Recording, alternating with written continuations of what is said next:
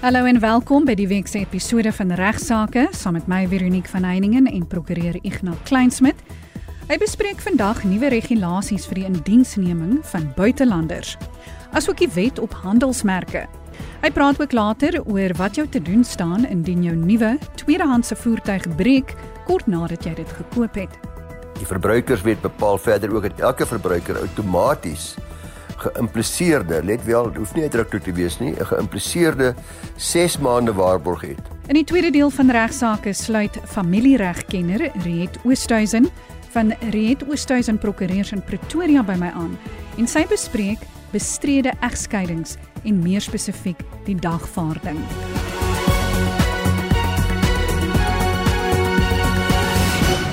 Ons begin die week se program met Ignas wat nuwe indiensnemingsregulasies bespreek wat op buitelanders van toepassing sal wees. Goeiemôre weer eens aan al die luisteraars en verby weer eens se voorreg om namens die Prokureursorde van Suid-Afrika bietjie te gesels oor regsaake wat ek hoop vir julle almal van nut gaan wees vandag. Eerstens net 'n bietjie gesels oor werknemers wat nie geldige werksvermite het nie, verbode immigrante is. Ons hoor almal deesdae van buitelanders wat ons land binnestroom sonder om deur douanepunte behoorlik te gaan. En die reg wat hierop van toepassing is, en daar's heelwat wette, is natuurlik ook van toepassing op ons almal. Ook op ons wat dalk net een werker het in die tuin of een werker het in die huis. Nou luisteraars, daar's nuwe regulasies vir die indiensneming van buitelanders op die horison in ons land in Suid-Afrika en die nuwe wetsontwerp, die Employment Services Bill wat voorgelê is bevat baie strenge regulasies vir die indiensneming van buitelanders in Suid-Afrika. Hierdie wetsontwerp beoog om 'n beperking te plaas op hoeveel buitelanders in diens geneem mag word in die land of in 'n sekere sektor deur te bepaal dat buitelanders sonder 'n werkspermit of wat nie 'n asielsoeker met 'n reg om te werk is nie, glad nie in diens geneem mag word in Suid-Afrika nie. Die werkgewer sal dus onderworpe wees aan die volgende pligte wat in die wetsontwerp uitgespel word. Werkgewers moet stappe neem om vas te stel of die betrokke buitelander geregtig is om te werk in Suid-Afrika. Met ander woorde, die buitelander moet 'n geldige werksvermit vir u wys of dat hy of sy 'n asielsoek aansoeker is wat die reg het om in die land te werk. Werkgewers moet ook vasstel dat daar geen ander persone anders as 'n buitelander of asielsoeker is wat die betrokke rol kan vervul nie. Ander persone wat eerste oorweeg moet word is landsburgers, permanente inwoners of vlugtelinge. Werkgewers moet 'n vaardigheidsoordragsplan in plek hê vir alle posisies wat deur buitelanders of asielsoekers beklee word. Werkgewers mag nie buitelanders of asielsoekers aanstel op terme en voorwaardes wat minderwaardig is teenoor die terme en voorwaardes van landsburgers nie. Met ander woorde, hulle mag nie misbruik word nie, veral nie wat vergoeding betref nie. Werkgewers moet afskrifte hou, dis belangrik vir alle rekords wat aandui dat die persoon wat by u werk, die buitelander of asielsoeker, behoorlike permit het om in Suid-Afrika te werk en dis geregtig is om vir u te werk. Verder gee die wetsontwerp die minister van arbeid die bevoegdheid om spesifieke regulasies voor te skryf oor hoe hierdie pligte wat ek nou vir u genoem het van 'n werkgewer nagekom moet word. Hy het ook die bevoegdheid om 'n maksimum kwota voor te skryf vir die hoeveelheid buitelanders en asielsoekers wat binne 'n spesifieke sektor, streek of landwyd in diens geneem mag word. Nou indien hierdie wetsontwerp in werking tree luisteraars, hulle het 'n verrykende gevolge vir natuurlik vir alle werkgewers en veral ook buitelandse werknemers en sal dit uiteraard 'n groot beperking plaas op die hoeveelheid buitelanders en asielsoekers wat in diens geneem mag word in Suid-Afrika. Dankie vir Esmarie McKellen daar by van Velden en Duffy vir haar inligting in hierdie verband. Ek gaan praat nou oor die wet op handelsmerke in Suid-Afrika. Ja, ek vertrou almal wat luister is nog op koers met hulle nuwejaarsvoornemens en dat jy nog die pad stap en dat jy nog nie moed verloor het nie en nog gemotiveerd is om daai nuwejaarsvoorneme behoorlik deur te voer hier in 2024. 'n Nuwe jaar, nuwe voornemens, maar indien jou nuwejaarsvoorneme vir 2024 is om 'n nuwe besigheid te begin, moet jy nou jou ore spits. Want een van die heel eerste en miskien heel belangrikste besluite om te maak wanneer jy 'n nuwe besigheid begin, is wat jy hierdie besigheid gaan noem en hoe die handelsmerk gaan lyk. Die laaste ding wat 'n mens wil hê nadat jy baie tyd en kostes oor die naam en handelsmerk van jou nuwe besigheid bestee het, dat daardie naam of handelsmerk inbreuk maak op 'n ander besigheid se naam of handelsmerk. Suid-Afrika word handelsmerke gereguleer deur die Wet op Handelsmerke, is Wet 194 van 1993. In artikel 9 van hierdie wet bepaal dat 'n handelsmerk vatbaar is vir registrasie indien die merk die goedere of dienste van die eienaar daarvan kan onderskei van die goedere of dienste van iemand anders. So die naam en die handelsmerk wat jy vir jou besigheid kies, moet mense dadelik aan jou besigheid laat dink. Mense moet nie jou besigheid of jou handelsmerk verwar met 'n ander besigheid of handelsmerk nie. Daar is sekere merke wat glad nie as 'n handelsmerk geregistreer kan word nie. Want artikel 10 van die wet bevat 'n lang lys van faktore wat veroorsaak dat 'n handelsmerk nie vatbaar is vir registrasie nie. Ek gaan net so 'n paar voorbeelde gee van onregistreerbare handelsmerke. Byvoorbeeld 'n handelsmerk wat nie die goedere of dienste van een persoon onderskei van 'n ander persoon se goedere of dienste nie. Of dis 'n merk is iets wat in die alledaagse taal gebruik word wat oor die algemeen in die handelspraktyk van jou besigheid gebruik word. In ander woorde, indien jy boeke verkoop, kan jou besigheid se naam nie slegs boeke wees nie. Probeer sover as moontlik 'n naam of handelsmerk vermy wat slegs bestaan uit 'n beskrywende of 'n alledaagse woord soos boeke.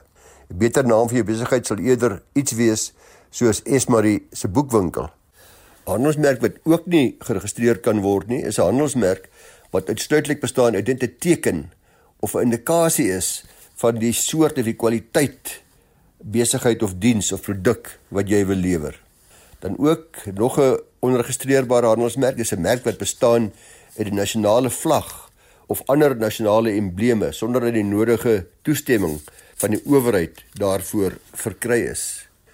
Die laaste een is merke wat reeds deur iemand anders geregistreer is of waarvan jy nie die eienaar skap kan eis nie.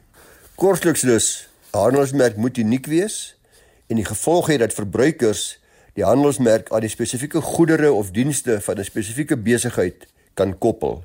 Vir my sover is moontlik alledaagse woorde wat die produk of diens beskryf en doen nie moeite om jou unieke handelsmerk te laat registreer sodat jy maksimum beskerming daarvoor kan kry. Masien is geruste prokureur wat spesialiseer in handelsmerke sodat hulle jou unieke handelsmerke registreer en ook kan seker maak dat daar nie reeds 'n soortgelyke handelsmerk bestaan nie. Het jy al ooit gewonder wat jou te doen staan indien jou nuwe tweedehandse voertuig breek kort nadat jy dit gekoop het? Kom ons hoor watter raad het Ignas.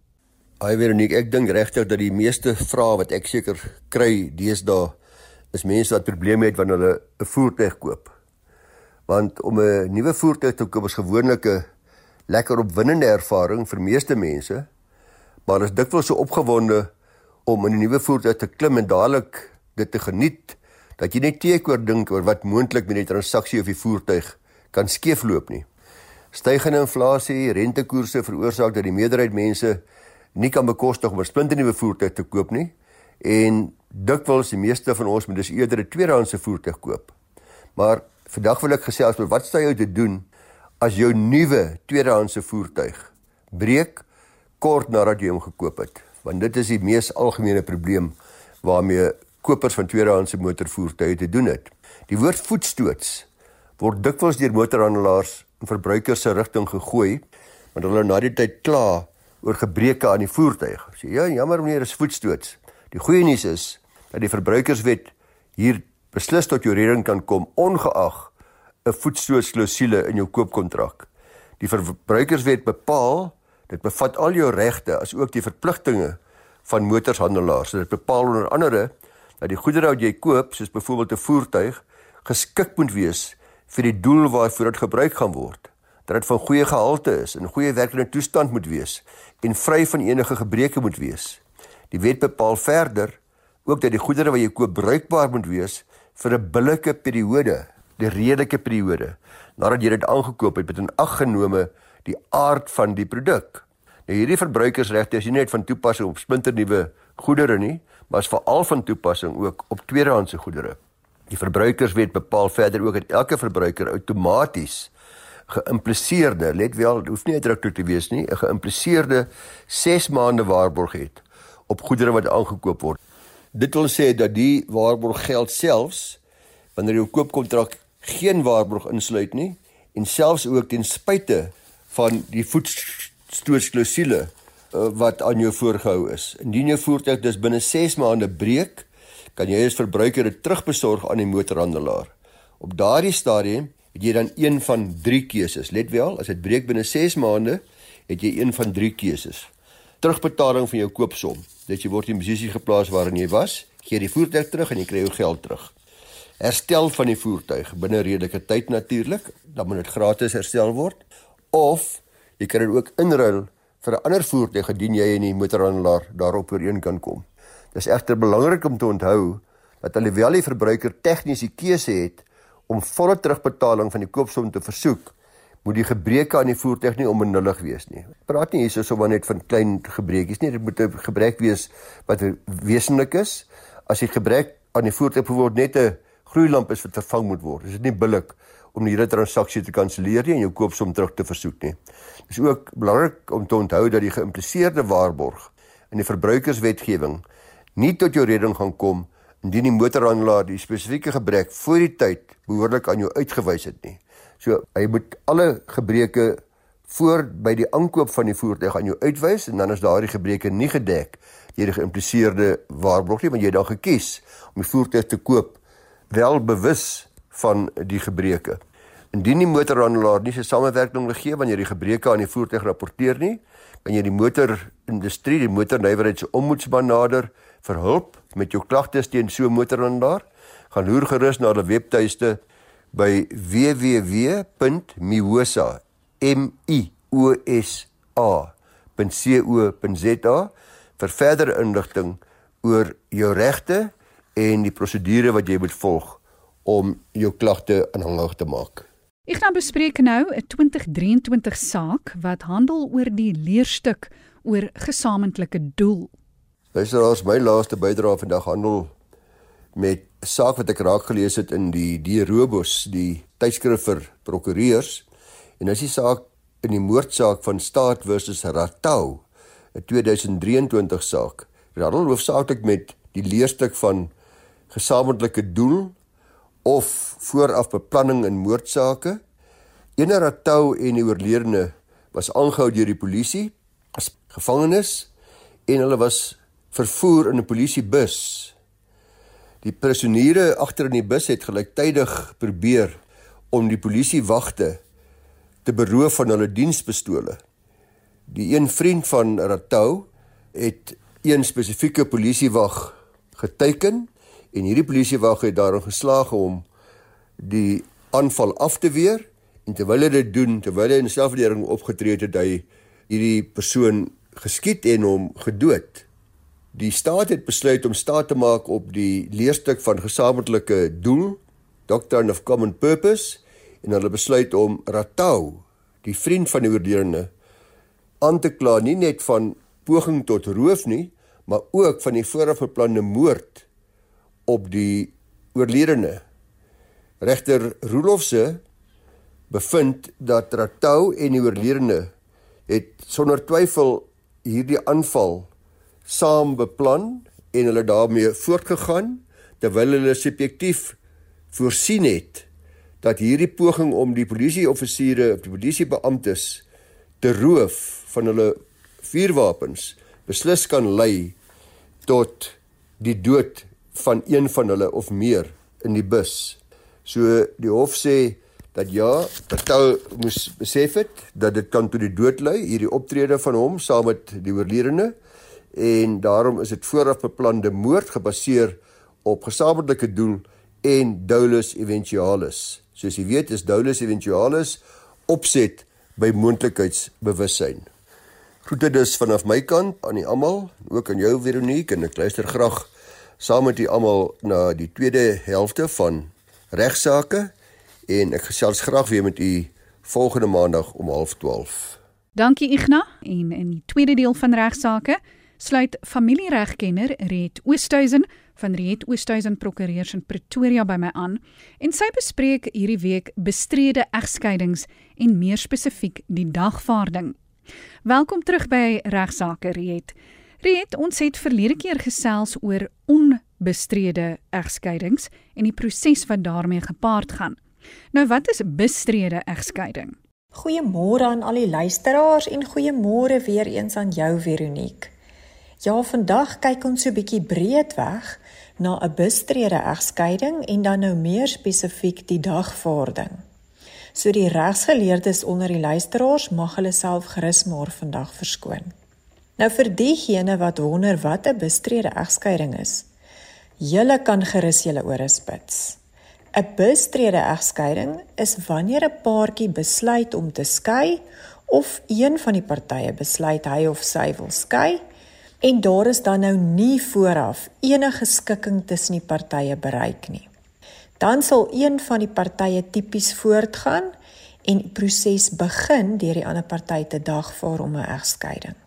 Nou die persoon wat die dagvaarding gaan uitreik, staan dan bekend as die eiser en die party op wie die dagvaarding beteken gaan word, sal bekend staan as die verweerder. Wat is die doel van die dagvaarding? Nou die eiser moet in sy of haar dagvaarding se besonderhede van vordering sekere feite uiteensit of dan nou terwyl pleit om sodoende 'n prentjie vir die hof te skets. Nou die luisteraars moet hier onthou, jy konsulteer met jou prokureur en so kry jou prokureur en moontlik jou advokaat as jou advokaat ook help om stukke op te stel, die volle prentjie van jou saak.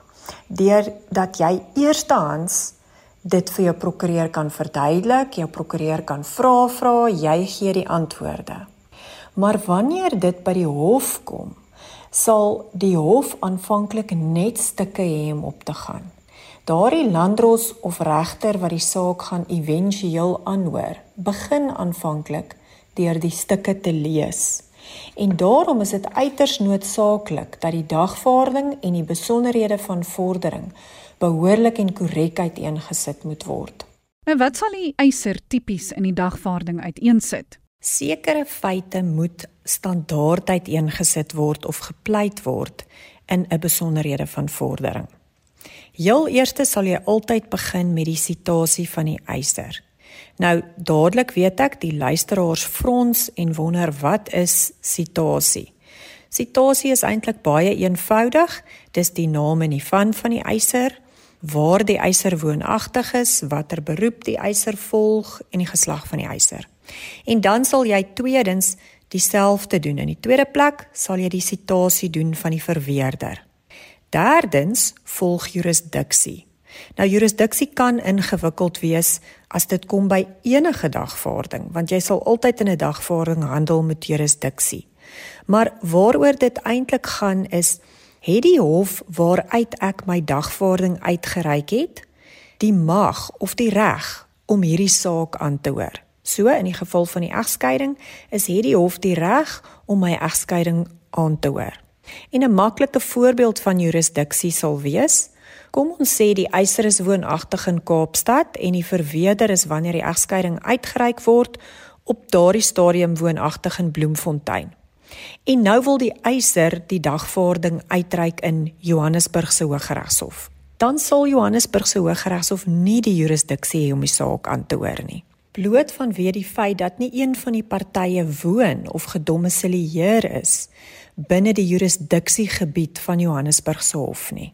Nou, soos ek reeds genoem het, jurisdiksie kan ingewikkeld wees. Die luisteraars moenie te veel hieroor kopkrap nie, want dit is waarvoor jy regsgeleerdes het.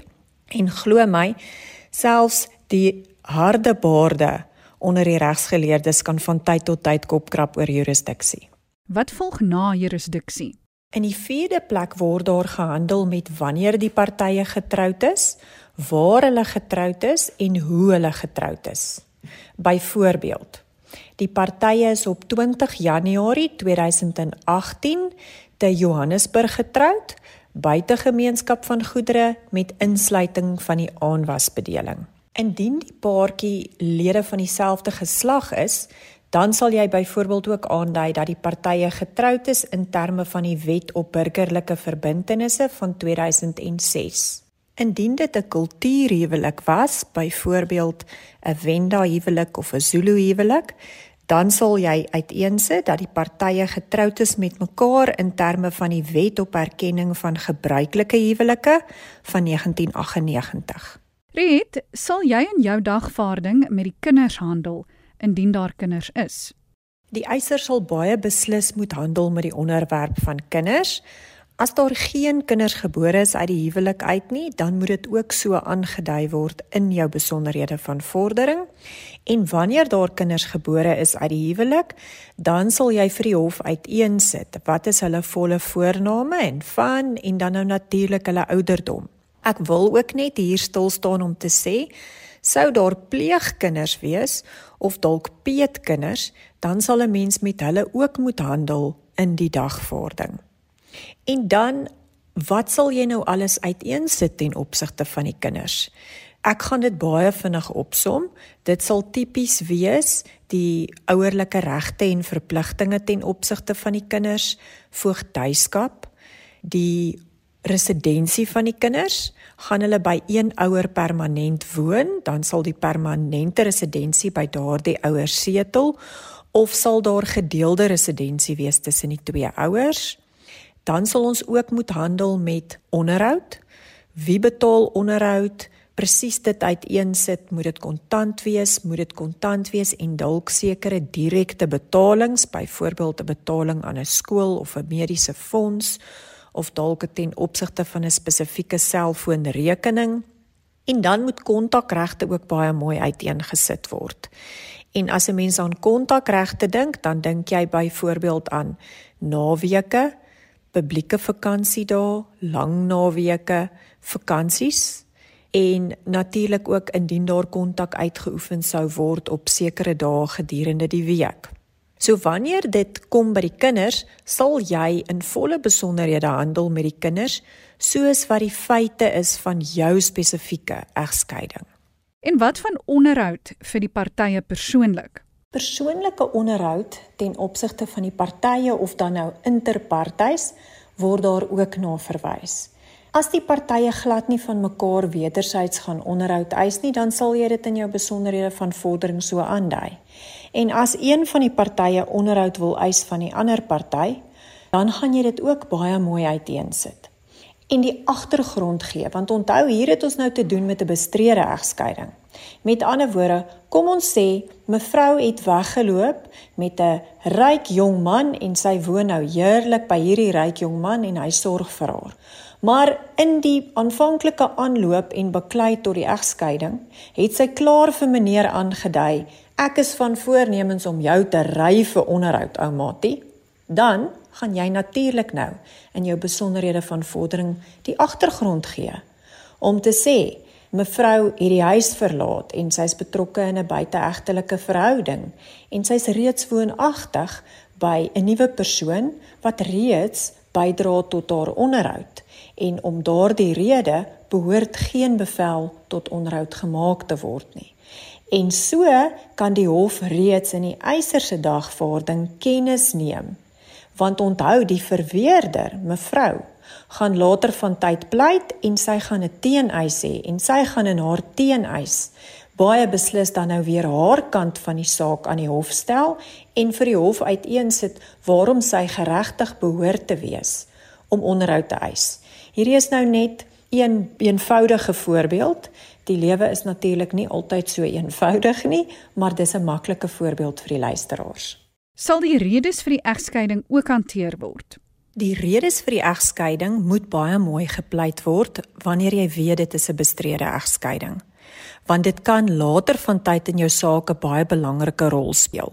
Nou die redes kan legio wees en dit hang regtig af van die feite van elke spesifieke paartjie se egskeiding.